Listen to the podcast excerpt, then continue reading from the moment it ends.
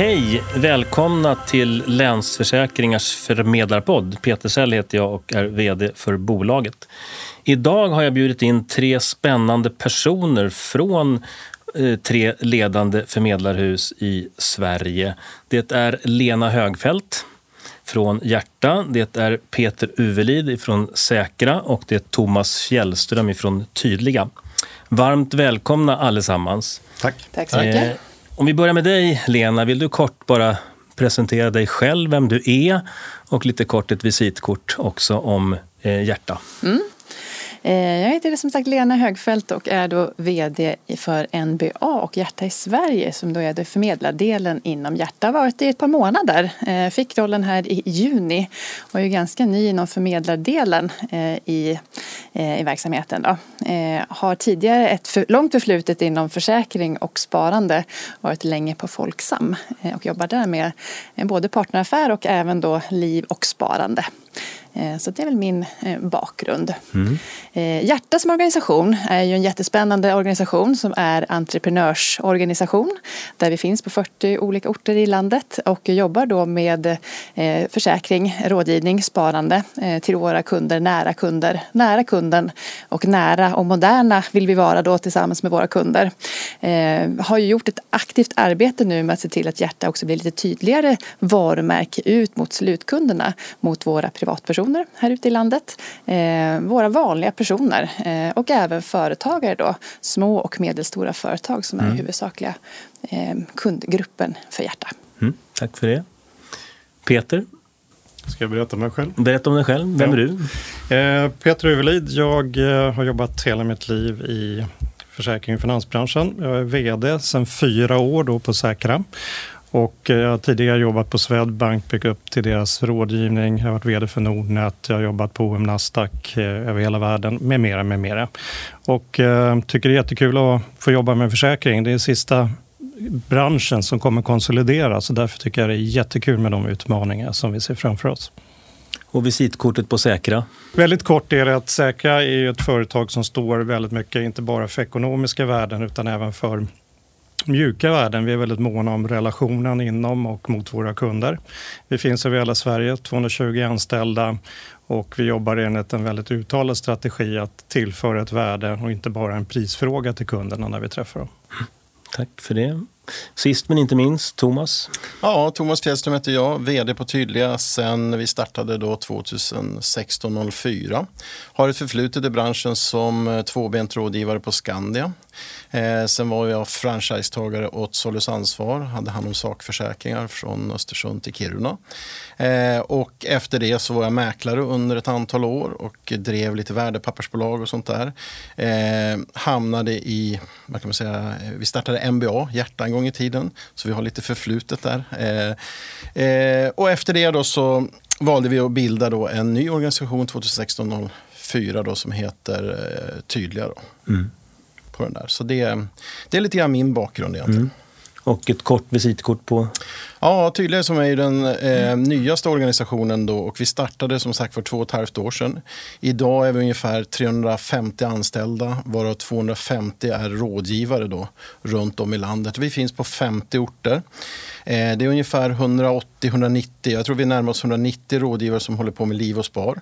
Och 60 eh, rådgivare som jobbar med sakförsäkring. Då. Och vi har hela bredden där. Vi, för oss är det viktigt att man ska kunna hålla på med liv, sak, grupp eller spar, placeringsrådgivning. Mm. Så alla de här bitarna är viktiga för oss Eh, i, det här. Och sen kan man säga så här, det som är viktigt mer eh, för oss det är ju att man ska kunna ha friheten, då, valfriheten, då, att kunna välja leverantör. Eh, utveckla sin egen affärsidé som entreprenör. Det, det, är väldigt viktigt för oss att kunna driva sin egen firma dit man vill och inte styra dem för mycket. Eh, tack för det. Eh, jag pratade med Johan Parmler förra veckan på SKI så fick jag lite siffror av honom. Eh, då visade det sig att om man går in till ett försäkringsbolag jämfört med om man går direkt till en försäkringsförmedlare så får man till och med eh, siffror som innebär att man är nöjdare att gå till en försäkringsförmedlare än att gå direkt till ett försäkringsbolag. Eh, varför är det så, tror ni? Och varför vänder man sig till en försäkringsförmedlare idag? Varför går man inte direkt till ett försäkringsbolag? Lena? Ja, jag kan säga som har erfarenhet både av försäkringsbolagen och då rådgivardelen. Men eh, i ett försäkringsbolag har man ju väldigt mycket verksamhet och jobbar ju som, stenhårt förstås med kunden och kund, kundvärdet. Men förmedlardelen och rådgivarna har ju som, som affärsidé eh, att vara eh, nära, väldigt nära kunden och ha relationer med kunden och förstå vad kundens verkliga behov är. Och har ju också då en möjlighet att ha en palett med sig som är bredare än ett enskilt bolag oftast. Då, då. Eh, så jag tror att det blir det här genuina intresset då som finns för kunden och kundens verksamhet. Att man har det som drivkraft och som affärsidé som rådgivare. Det gör att man man är genuint intresserad och är någon intresserad av det man håller på med det är klart att då blir kunden eh, nöjd eh, med det eh, resultatet som man får. Mm. Så att det, ja, jag tror att det är just den här drivkraften, affärsidén, viljan, de här relationerna eh, som är så viktig i, i vår bransch och i det vi håller på med. Eh, mm. Det uppskattas av våra kunder. Kan Peter se någonting, något mönster i, just nu är det företag vi pratar om och det är upphandlingar och varför, varför är det så här? Ja, det är ju för så att eh, förmedlaren är ju väldigt nära sina kunder. Man är för egenföretagare, man är entreprenör. Eh, man är beroende av kunder, man är mycket närmare kunderna än försäkringsbolagen. Så ringer kunden klockan 11 på en lördag, då ställer man upp. Det, det bara är så, det ligger i ens egen ryggnerv. Och jobbar man mycket med tillit, det är en tillitsbransch, då blir det att kunderna kommer tillbaka och de kan komma tillbaka med allting för när veden dör eller försvinner och ber om hjälp. Och, och vi går ju in och gör mycket mer saker än bara förmedla försäkringar. För att vi bygger ett förtroende, vi är nära kunderna och vi ställer alltid upp. Känner Thomas Jensen? Ja, absolut. Och jag tycker den största skillnaden när jag gick från att vara anställd på Skandia på den tiden och jobba, så var det ju en riktig aha-upplevelse när man fick ett ännu större produktutbud. Och man, man visste ju då när man var anställd att shit, om jag hade den här produkten som fanns på, på LF till exempel, då hade jag kunnat sålt jättemycket. Då.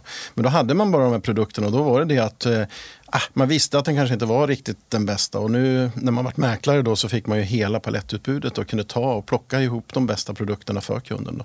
Och det tror jag kunden uppskattar också, mm. att man går till en och kan få en jämförelse på tre, fyra olika produkter mm. och hitta den som passar kunden bäst. Då.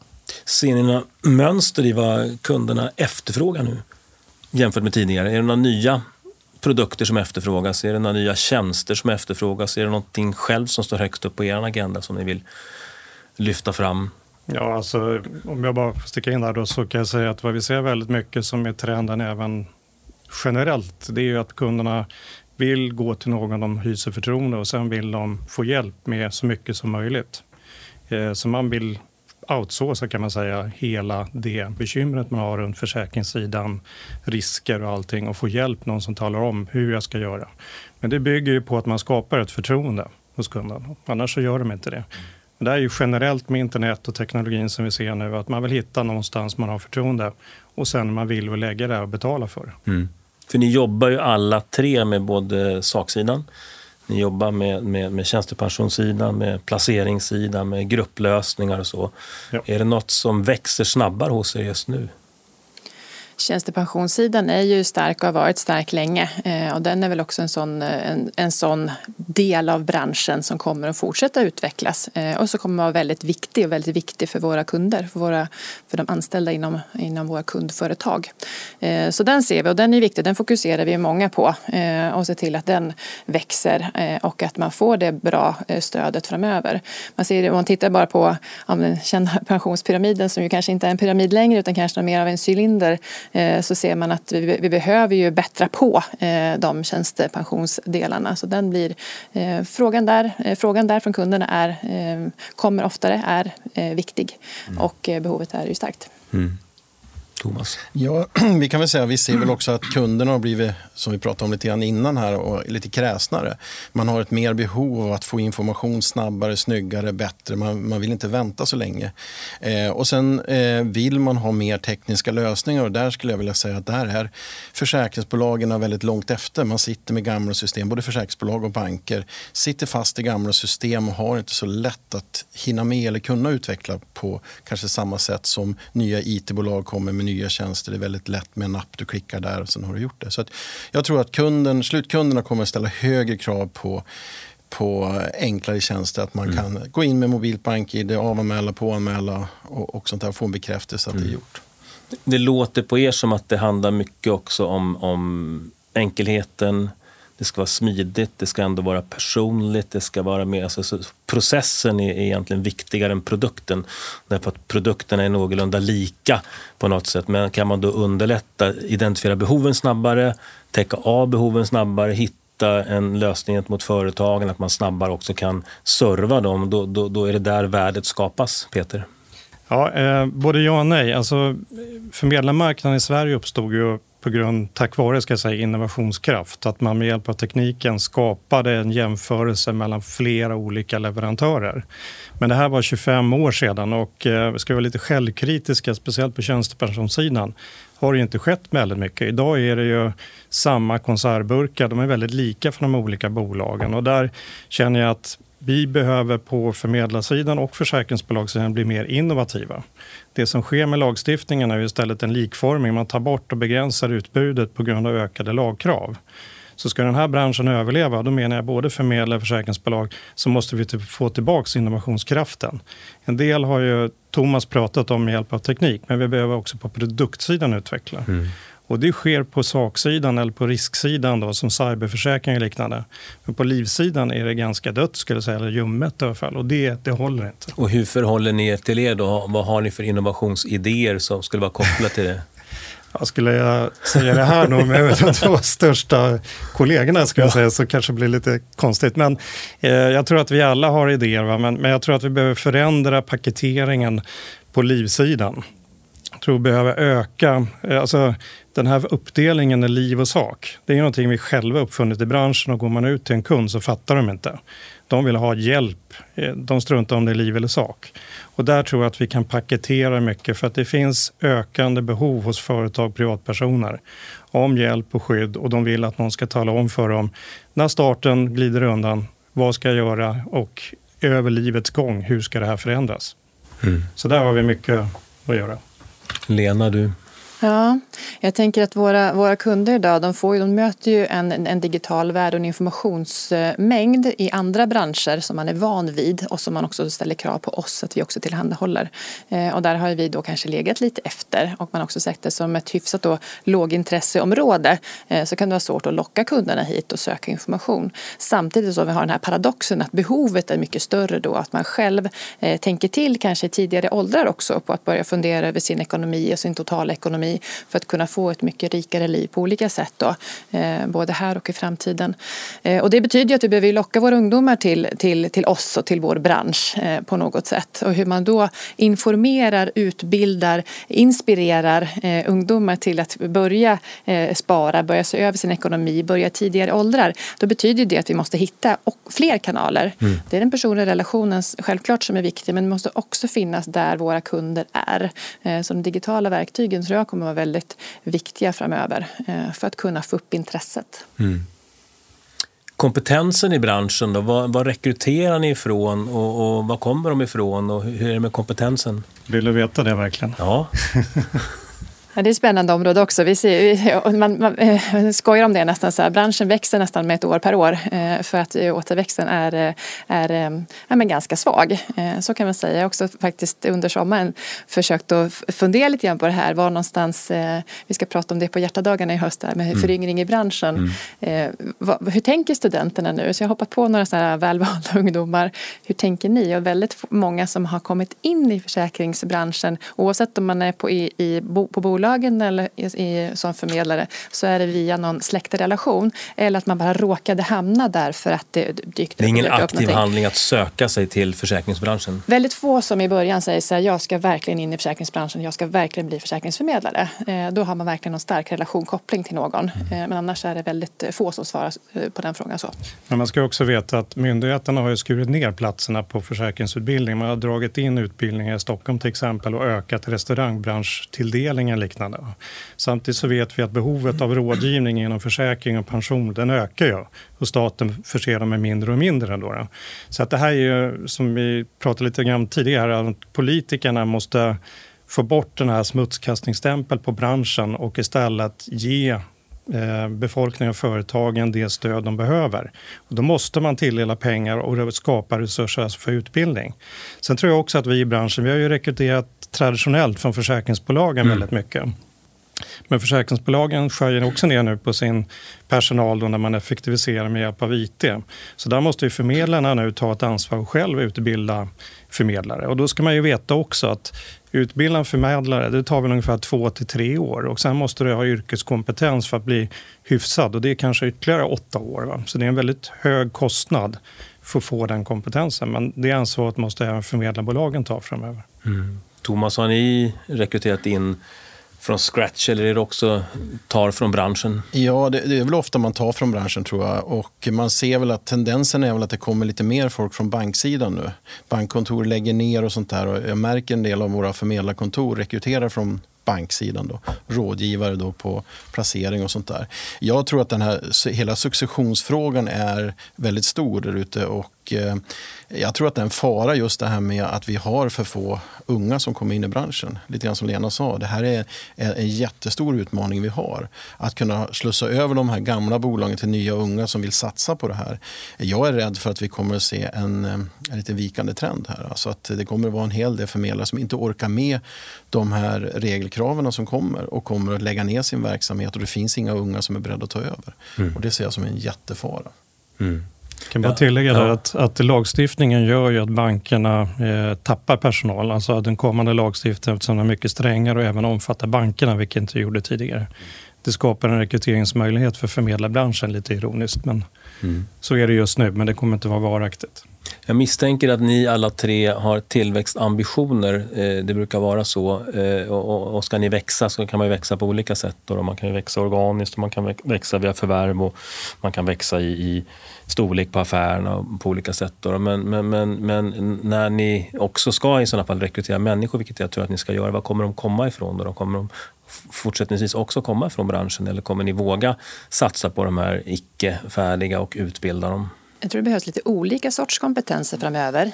Hittills har man jobbat eh, ganska så strikt med just relationsbyggare och rådgivningsdelen och mycket, mycket säljinslag. Eh, och sen så kommer ju nu eh, med regelverkstornadon som kommer här nu så blir det också andra typer av kompetenser som, som parallellt krävs. Det vill säga mycket, mycket mer att se till att man har ordning på, på administrationen, ordning och, och reda och compliance, alla de delarna. Och det gör att det finns en, en, en rekryteringsgrund på så man kan komma in i branschen från ett annat annat håll också. Eh, där tror jag att man kan rekrytera mer från högskola, från, eh, från, från den delen att man inte behöver vara liksom självlärd i branschen utan man kan komma därifrån också. Få ett intresse, eh, bygga upp och se att man kan utveckla färdigheter då till att gå mot rådgivningsdelen.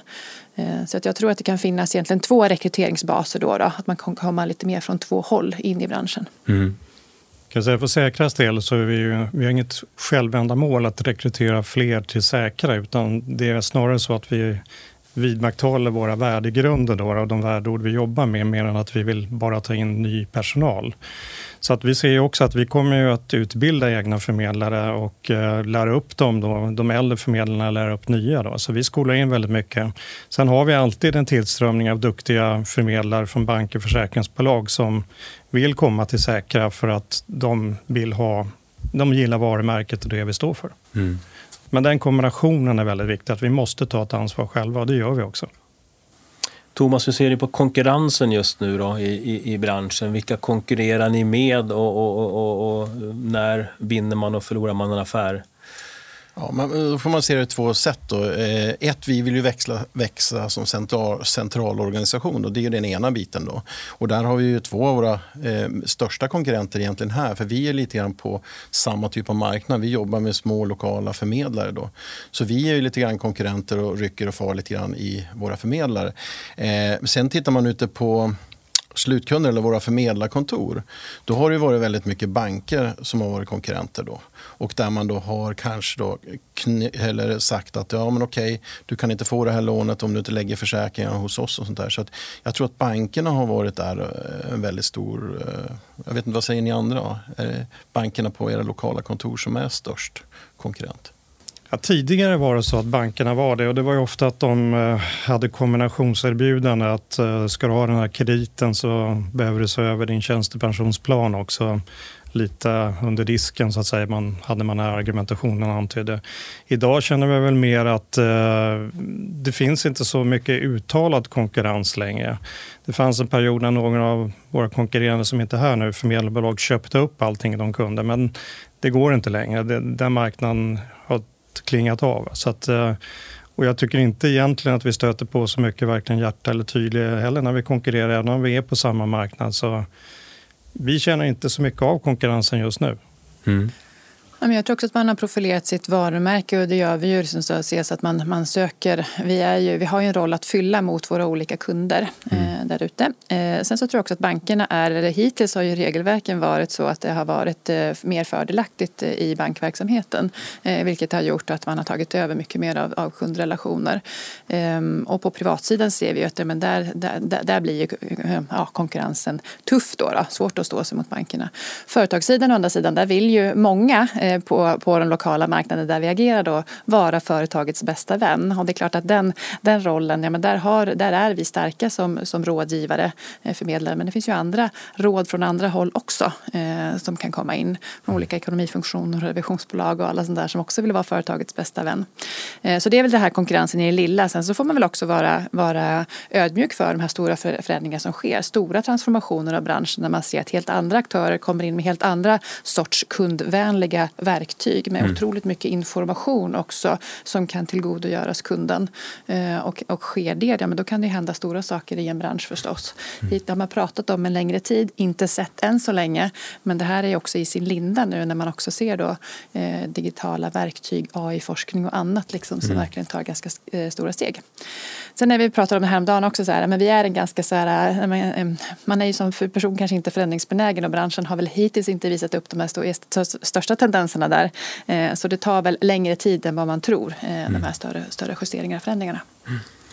Får jag bara tillägga ja, en sak? Att, att man ska ju klart för sig att med det traditionellt då i Sverige är så att man inför mycket regler och lagar över tiden så skapar man en oligopolmarknad och sen så attackerar man från politiskt håll oligopolmarknaden för det är inte bra för konsumenterna. Och det är det som håller på att ske även nu på försäkring och förmedlarmarknaden. Det blir ett fåtal förmedlarbolag. Det finns redan ett fåtal försäkringsbolag. Då. Mm. Det gynnar ju förmodligen oss i rummet och kanske någon som inte är här heller. Så jag tror att det kommer bli färre fristående förmedlare eller små förmedlarbolag framöver.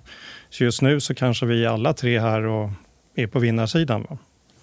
Och det har vi märkt under lång tid just kring, kring konsolideringen. Om vi, om vi går över lite grann i de här regelverken som kommer nu runt IDD och hur det påverkar oss. Vad, vad, vad, hur ser era scenarios ut framåt? Vad är det ni kommer vara tvungna att förändra i er verksamhet de kommande åren som ni redan har börjat med? För att någonstans så vill ju lagstiftaren få till, eh, vill få bort intressekonflikterna, man vill öka den berömda transparensen, man vill säkerställa att kunden förstår vad man har köpt och vad man har betalat för. Och nu har ju vi, som jag bedömer ändå en, en, en bra chans att på något sätt säkerställa att förtroendet för det som vi håller på med är stort. Därför att eh, i min värld så, så kommer kunderna behöva det som vi levererar. Oavsett om det kommer direkt ifrån ett försäkringsbolag eller via en försäkringsförmedlare, det väljer ju kunden själv. Men hur ser er agenda ut framåt och när ni tänker liksom på Thomas, vad, vad, driver ni för frågor som är kopplat nu till lagstiftaren? Ja, för det första kan man ju säga att det, det är en stor förändring som kommer att ske och här är ju som jag sagt också branschen lite omodern eh, med, med teknik och sånt där. Jag tror vi måste bygga stöd för att kunna informera, att få veta vad allting kostar från er, från bolagen.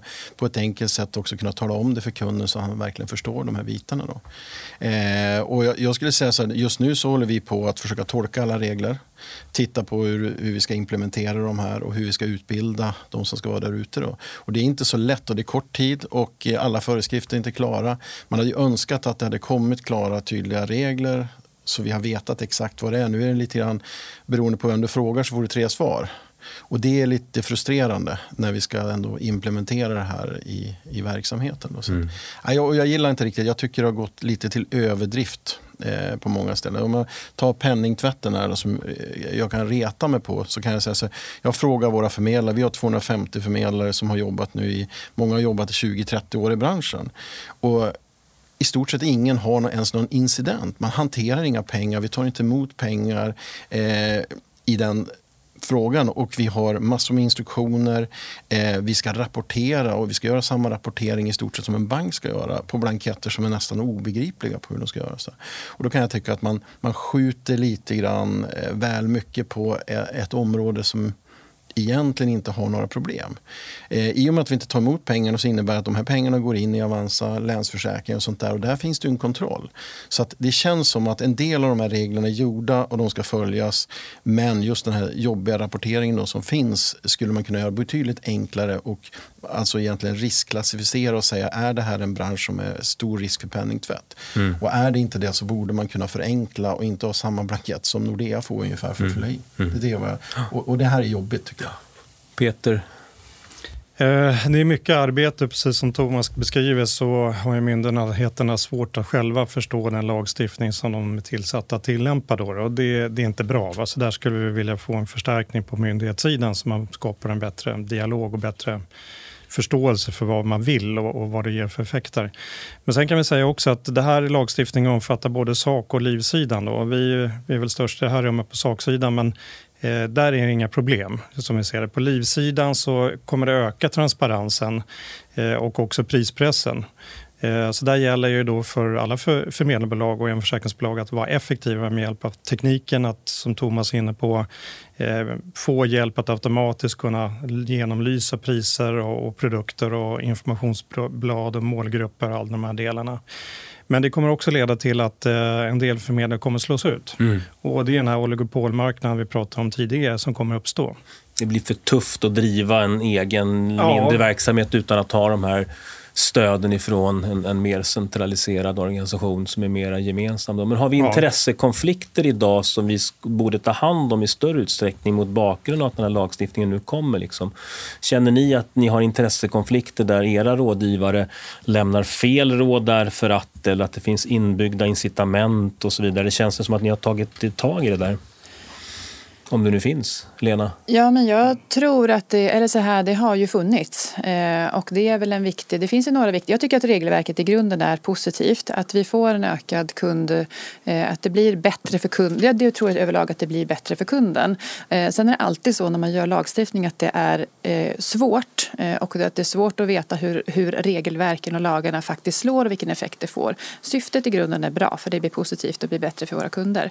Eh, tittar man på intressekonflikter för att svara på frågan frågan där. Alltså, mm. tror jag att det absolut har funnits intressekonflikter. Man har fått mer betalt för, för något än för någonting annat och då finns incitament att driva att kanske i högre grad eh, rådge åt det hållet. Eh, det försvinner ju nu eh, och det gör det också så att det blir lättare för de som hittills har varit duktiga att fortsätta att få bedriva sin verksamhet. Bra rådgivare finns det, finns det stort behov av eh, men, men det gör, och det gör det lättare att få bedriva sin verksamhet och vara bra och duktig för det går inte att gena eh, på samma sätt mm. vilket är bra. Eh, då rensar man eh, och så får man upp och så blir den, blir den mycket sundare och får ett större förtroende. Jag tror också på transparensen. Eh, den är bra. Det är bra att kunna visa kunderna hur det faktiskt ligger till. Eh, att eh, vara tydlig med vilka avgifter och vilka ersättningar och vilka pengaflöden som, som strömmar. Sen har vi en utmaning att informationen och kundinformationen, det är också i grunden positivt, men det blir så fruktansvärt mycket. Mm. Eh, så att vi ställer höga krav på våra mm. kunder och konsumenter att faktiskt orka och ha kapacitet och förmåga att ta till sig all denna information. Mm. Eh, så här har vi en utmaning att se till att vi kan använda då regelverken till att göra någonting riktigt bra på enkla sätt visa upp eh, och tydliggöra hur det faktiskt ligger till.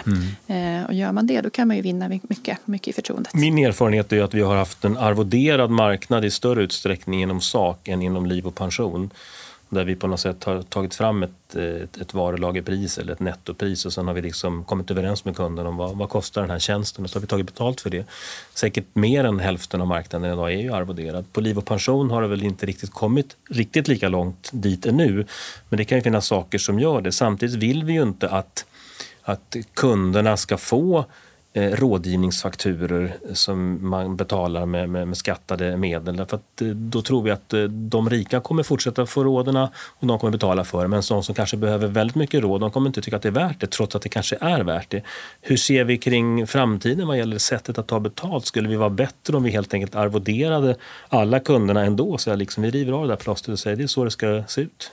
Jag tror man hamnar där, väsentligt ökad grad arvodering framöver.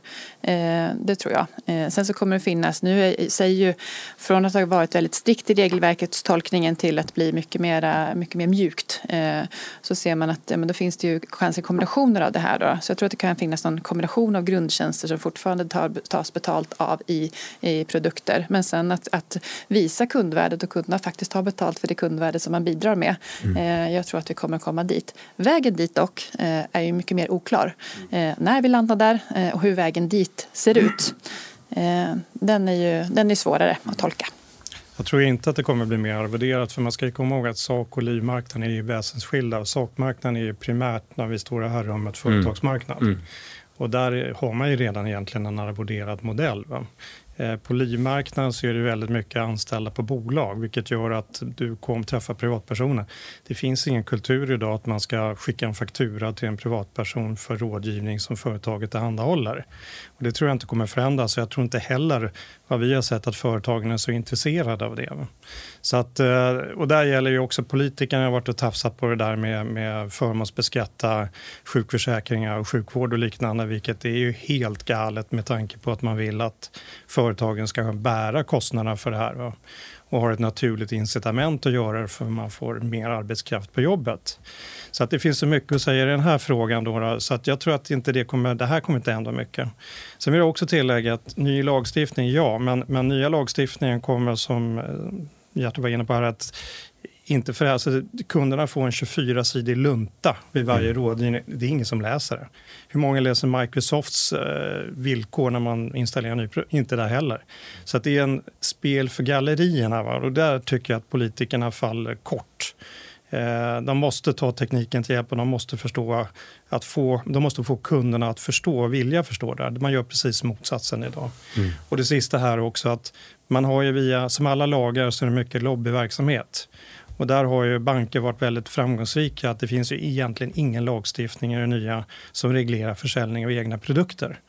Och vad vi ser som händer mest på banken, lite på försäkringsbolag, är att man plockar bort tredjepartsprodukter och för in egna produkter eller låter dem vara kvar. Va?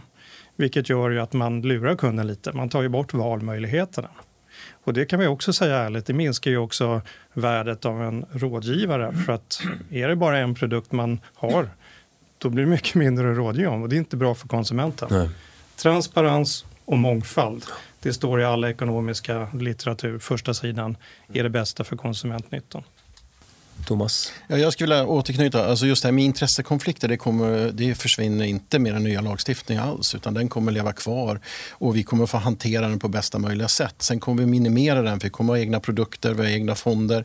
Intressekonflikterna finns där hela tiden. Och det gäller att vi hanterar dem på ett schysst sätt och så att kunden får veta om det finns intressekonflikt och informera dem om att det här faktiskt är en produkt som vi äger eller har någon form av annan intjäning. Och det är bra. Jag tror transparenten är bra eh, för kunden. Men jag, jag är jätteoroad för att eh, idag så är det som, precis som Peter säger, att det har blivit, och även du Helena säger det, att det är en jättelunta. Och kunden har ingen möjlighet att ta till sig all den här informationen. Mm. Jag tycker man skulle ha fokuserat på viktiga saker och sagt att eh, det här ska belysas på ett tydligt sätt och det här ska vara på ett blad så kunden verkligen förstår. Eh, då hade man fått kanske kunden att det hade varit fyra eller fem punkter som har varit väldigt viktiga. Sen har de där allmänna villkoren funnits med. Då hade man kunnat belysa det. Men att tro att en kund ska orka läsa igenom 20 eller 30 sidor, det vet vi. Det vet vi som sitter med kund att det gör de inte. Utan mm. de tittar inte ens på det där. Jag har läst Ryanairs villkor efter att ha flugit med dem en gång. Okay. Om vi står där vi står och så tittar vi framåt förmedlarens framtida roll och så utgår vi från när förmedlarmarknaden startade. Då upplevdes ju många gånger förmedlarna som oberoende. Man tog in eh, alternativ när man gjorde sina upphandlingar, man levererade ett alternativ och sen såg man det därifrån. Ser ni er själva nu framåt att förmedlarmarknaden, kommer ni att liksom specialisera er i större utsträckning eh, gentemot kunderna på olika sätt? Eller kommer ni, vad, vad ser ni, vad växer fram? Vad blir förmedlarens framtida roll jämfört med idag om vi tittar fem år framåt eller tio år framåt som man sen ska bygga det här? Går det att dra någon slutsats redan nu? Upplever ni er själv som oberoende då till exempel, Lena? Är ni, är ni oberoende eller är ni beroende? Eller är ni, flerbolagsombud eller försäkringsförmedlare eller mäklare? Vad är ni? Ja, jag skulle säga att ett ord på det här, men jag kan säga att vi inte är oberoende utan det finns ett, det finns ett beroende i och med att vi har erbjudanden som vi har handlat upp från olika leverantörer. Och vi har ju, eh, vilket gör att ja, men det är klart att det finns, ju, det finns ju saker som vi har bedömt är bra eh, för våra kunder. Och då har vi ju valt utifrån olika leverantörer och plockat ihop erbjudanden och paketerat det så att det ska bli bra för våra kunder. Men det är ju utvalt eh, och, det, och, det är, och då är man ju i grunden då beroende av det som vi har bedömt är mm. bäst för våra kunder. Eh, sen så vad man, vad man kallar det, det får vi mm. väl återkomma om. Eh, mm. Men, men inte oberoende ett, i alla fall, utan ni, ni uppträder på kundens uppdrag eller hjälper kunden och sen handlar ni upp de här Ja, vi hjälper kunden och det här blir så viktigt också att vi kan och förstår och är nära eh, vår målgrupp så att vi förstår vad som är viktigt för, för dem, eh, mm. för våra, våra företag och våra individer. Eh, för att se då, men vad är det som vi bör ha i våran palett för att se mm. till att det blir så bra som möjligt. Eh, men då är man ju inte oberoende utan då har man ju gjort ett val och väljer målgrupp mm. utifrån det också. Då. Och Thomas, ni startade ju senast i alla fall utifrån det varumärket ni har idag. Vad, vad ser ni er själva som oberoende? Nej, vi, vi, kan väl säga så här, det är egentligen upp till våra rådgivare. Vi kanske har någon rådgivare som vill jobba oberoende och bara jobba det. Det väljer de själva egentligen hur de vill jobba, om de skulle vilja jobba. Vi har en del rådgivare som bara jobbar med arvodering till exempel tar inga provisioner alls. Och jag kan tänka mig att en del av dem kommer vilja fortsätta med. Men om man tittar på den stora massan så kommer man absolut inte vara oberoende.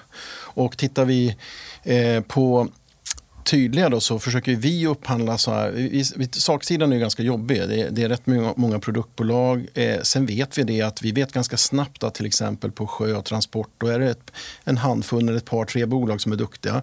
Vi vet att på den här typen av VDS så är det några bolag som kan vara med på den här typen av verksamhet. Och då eh, analyserar vi egentligen och tittar vilka har bra produkter, vilka vill vi ha med i en upphandling och sen upphandlar vi då till exempel, vi upphandlar för tio sakprodukter då. VDS, tjänster tjänsteresa, transport och sånt där. Och då är tanken att vi upphandlar här till våra förmedlare var tredje år och de tecknar de här elektroniskt direkt på nätet. Då. Och då gör vi kan man säga en upphandling, men då gör vi den kanske på tre eller fyra bolag som är duktiga på den marknaden och sen den som då kan leverera bäst villkor och bäst premie får den upphandlingen. Och sen är tanken att det görs då kanske var tredje år. Och då är vi inte alls eh, oberoende utan mm. vi, vi, kommer, vi kommer vara tydliga med att tala om det att vi, vi, så här jobbar vi. Men jag tror kunderna kommer uppskatta det, mm. att vi hjälper dem. Eh, mm. vi upplever i alla fall som försäkringsbolag att eftersom ni också gör fler upphandlingar så driver det ju villkorsförbättringar och det driver också på något sätt eh, prisjusteringar. Och det är ju kunden till gagn. Sen kan man fundera på hur långt man kan gå. För I slutändan så måste det ändå vara måste finnas en inkänningsförmåga för allihopa. För det är, inte, mm. det, det, det, är viktigt. Peter, vad ser du på det säkra oberoende? Ja, men alltså, vi jobbar ju både med begreppet oberoende och inte oberoende. Eh, och det är framförallt på konsultsidan. Då, och då säljer vi inga produkter som så, utan det är kompetens vi säljer. Sen på den andra sidan då, så är det så att vi tror att vi måste ta ett mycket större ansvar för de råd vi lämnar. Vilket betyder att vi måste bygga ut vår kompetens ytterligare. Så att de råd vi lämnar, de, de står för. Det inkluderar allting från förebyggande hälsovård till eh, åtgärder. Vi har till exempel plåtslagarna, snöskottare då, där ingen ville försäkra. Då hittar vi en lösning med att hitta skadeförebyggande så att det går att försäkra det här och vi hjälper till med eftervården och det kan hjälpa alla företag har unika behov.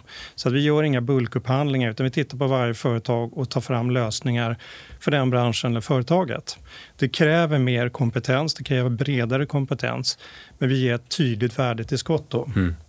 Vi slåss inte primärt med pris, vi slåss med kompetens vilket ger ekonomiska effekter och kunderna är villiga att betala mm. för. Och de, vi bygger då tillit, va? omtanke som mm. är våra värdeord. Mm. När jag hör er prata så låter det som att ni har en innovationstanke. för ni pratar ju i, i de termerna, hamnar inte hela tiden i slutprodukten utan det handlar mycket andra saker också. Jag tänkte vi skulle börja runda av lite grann och vi pratade lite grann om förmedlarnas roll, jag pratade om regelverk och sådär. Men vad står då högst upp på, på er egen agenda här kommande året? Och ni sitter ändå som VD i tre stycken väldigt spännande organisationer. Vad, vad är budskapet från Thomas, både ute i marknaden och kanske internt i organisationen? Någonting som du vill prata om som inte är så jättehemligt? Utan... Nej, vi, vi är ganska öppna med det vi gör. Va? Men det är, man kan säga så här, vi ska fortsätta växla, växa och vi ska vara, fortsätta vara innovativa och leda marknaden när det gäller teknik och utveckling. Eh, göra produkter och tjänster som våra kunder vill ha och att vi får våra förmedlare att använda dem på ett enkelt sätt. Vi har redan idag så gör vi hälsodeklarationer elektroniskt. Vi gör teckningar på som jag sa, 10 sakprodukter elektroniskt. Vi har 90 produkter som vi tecknar elektroniskt både med hälsa och nyteckning eh, på de här. Och det som är det fina här det är att vi kan skräddarsy det här eh, med att vi kan säga att vi kan upphandla en produkt från Länsförsäkringar, vi kan ha en produkt från från If eller något sådär, så kan vi paketera det på ett bra sätt så kunden får en faktura och ett försäkringsbrev egentligen på det och, och, den stora grejen här för oss det är ju att också få ihop det här med IDD. Att all förköpsinformation, all produktinfo finns levererat och det säkerställer vi med det här så att när kunden får sin faktura då som man får då och försäkringsbrev och där så har vi sett till också att vi är compliant. Mm. De har fått all information de behöver egentligen mm. inför köpet. Då. Så det är mycket IT och, och teknik eh, mm. på alla vägar då för att mm. underlätta. Och det är förmedlarfokuset är viktigt för oss. Allt vi gör ska ju vara styrt av att underlätta förmedlarens vardag. Mm. Och där är det viktigt att ha en dialog. Vad är det som är flaskhalsarna där ute? Mm. Och då ser vi, jag tror med Säkra vi har haft en dialog. Det är ju mycket hantering, eh, fondbyten och sånt där. Att, att göra dem mycket enklare för kunder. Så att, Eller för kund och förmedlare helt enkelt. Och Peter? Ja, vi har ju fyra värden. Tillit, omtanke, affärsmässighet och kunskap. Och det är ju det vi bygger hela Säkras idé. Det har vi gjort för fyra år sedan och det gäller fortfarande idag. Sen leder det till, som Thomas beskriver, mycket teknikprojekt idag. För du måste få effektivitet, mycket Eh, utveckling av kompetens men också eh, hur du bemöter både inom och utom företag och kunder. Då, då. Så att vi bygger vidare på de blocken och det innebär att vi kommer att ha ett bredare eh, erbjudande. Vi kommer att ta ansvar för en större del av värdekedjan. Men det är också kunderna villiga att betala för. Så att mjuka värden som är ekonomiska leder till att vi kommer att bli ett mer lönsamt företag. Vi kommer öka omsättningen och vi kommer få ett ännu starkare varumärke på marknaden. Mm. Vi kommer ju tvåa nu tror jag i den här SKI och vi har mm. ambitionen att fortsätta växa den mm. siffran. Och Lena, du tillträdde ju senast i det här teamet. Då, då. Du träffar ditt gäng nu. Vad är budskapen inom Hjärta? Ja, budskapen där är vi jobbar ju massor med att eh, som vi säger, betyda mer för fler eh, och sen så att vi ser till att vi skapar de rätta förutsättningarna då så att våra förmedlare kan göra det de är allra bäst på. Det vill säga att driva sin egna verksamhet, driva det entreprenörsaktigt att, med entreprenörskänslan eh, och även att se till att man bidrar med mycket värde och ha tid att vara ute hos sina kunder. Mm. och i den här då, marknadsförändringen som vi har så kräver ju, krävs det väldigt mycket annat också. så vi vill ju verkligen bidra med att man kan eh, som rådgivare då lägga sin tid ute hos kunden och att det finns ett bra stöd bakom som gör att man då kan se till att man är, eh, har enkla processer, att man förenklar administrationen, att man är, att man är compliant och att det fungerar i sin verksamhet mm. och sin affär. Mm. Här tror jag att vi kan göra mycket mer. Här jobbar vi med det och här tror jag också att man som bransch eh, för att få det ännu bättre för förmedlarna och kunderna behöver vara duktigare på att dela. Det finns många administrativa processer som vi skulle kunna Eh, hjälpa varandra med och dela så att vi får ner på totalen kostnaderna. Eh, för jag tror att vi behöver sänka kostnaderna för att bli ännu mer attraktiva där ute hos våra kunder. Jag vill eh, rikta ett stort tack för att ni tog er tid att komma hit. Eh, vi ser fram emot ett fortsatt bra samarbete. Eh, vi uppskattar samarbetet tillsammans med er alla tre. Eh, och vi känner på något sätt att i någon mening så är vi på samma marknad. Vi finns väldigt lokalt och, och, och eh, vi uppträder tillsammans. Så att vi vill gärna utveckla de relationerna. Eh, vi har enats också om att försöka spela en världsartist och avsluta Rita Franklin och hylla oss själva och programmet lite grann med det. Så det kommer en, en låt här som avslutning. Lycka till i höst och vi ses på marknaden då. Tack, Tack, att Tack så mycket. Tack så mycket för att vi fick komma.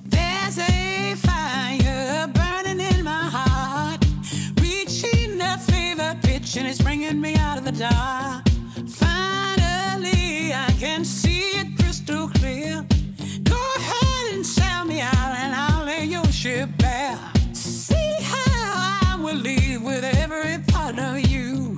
Don't underestimate the things that I will do. fire burning in my heart, reaching fever pitch, and it's bringing me out of the dark. The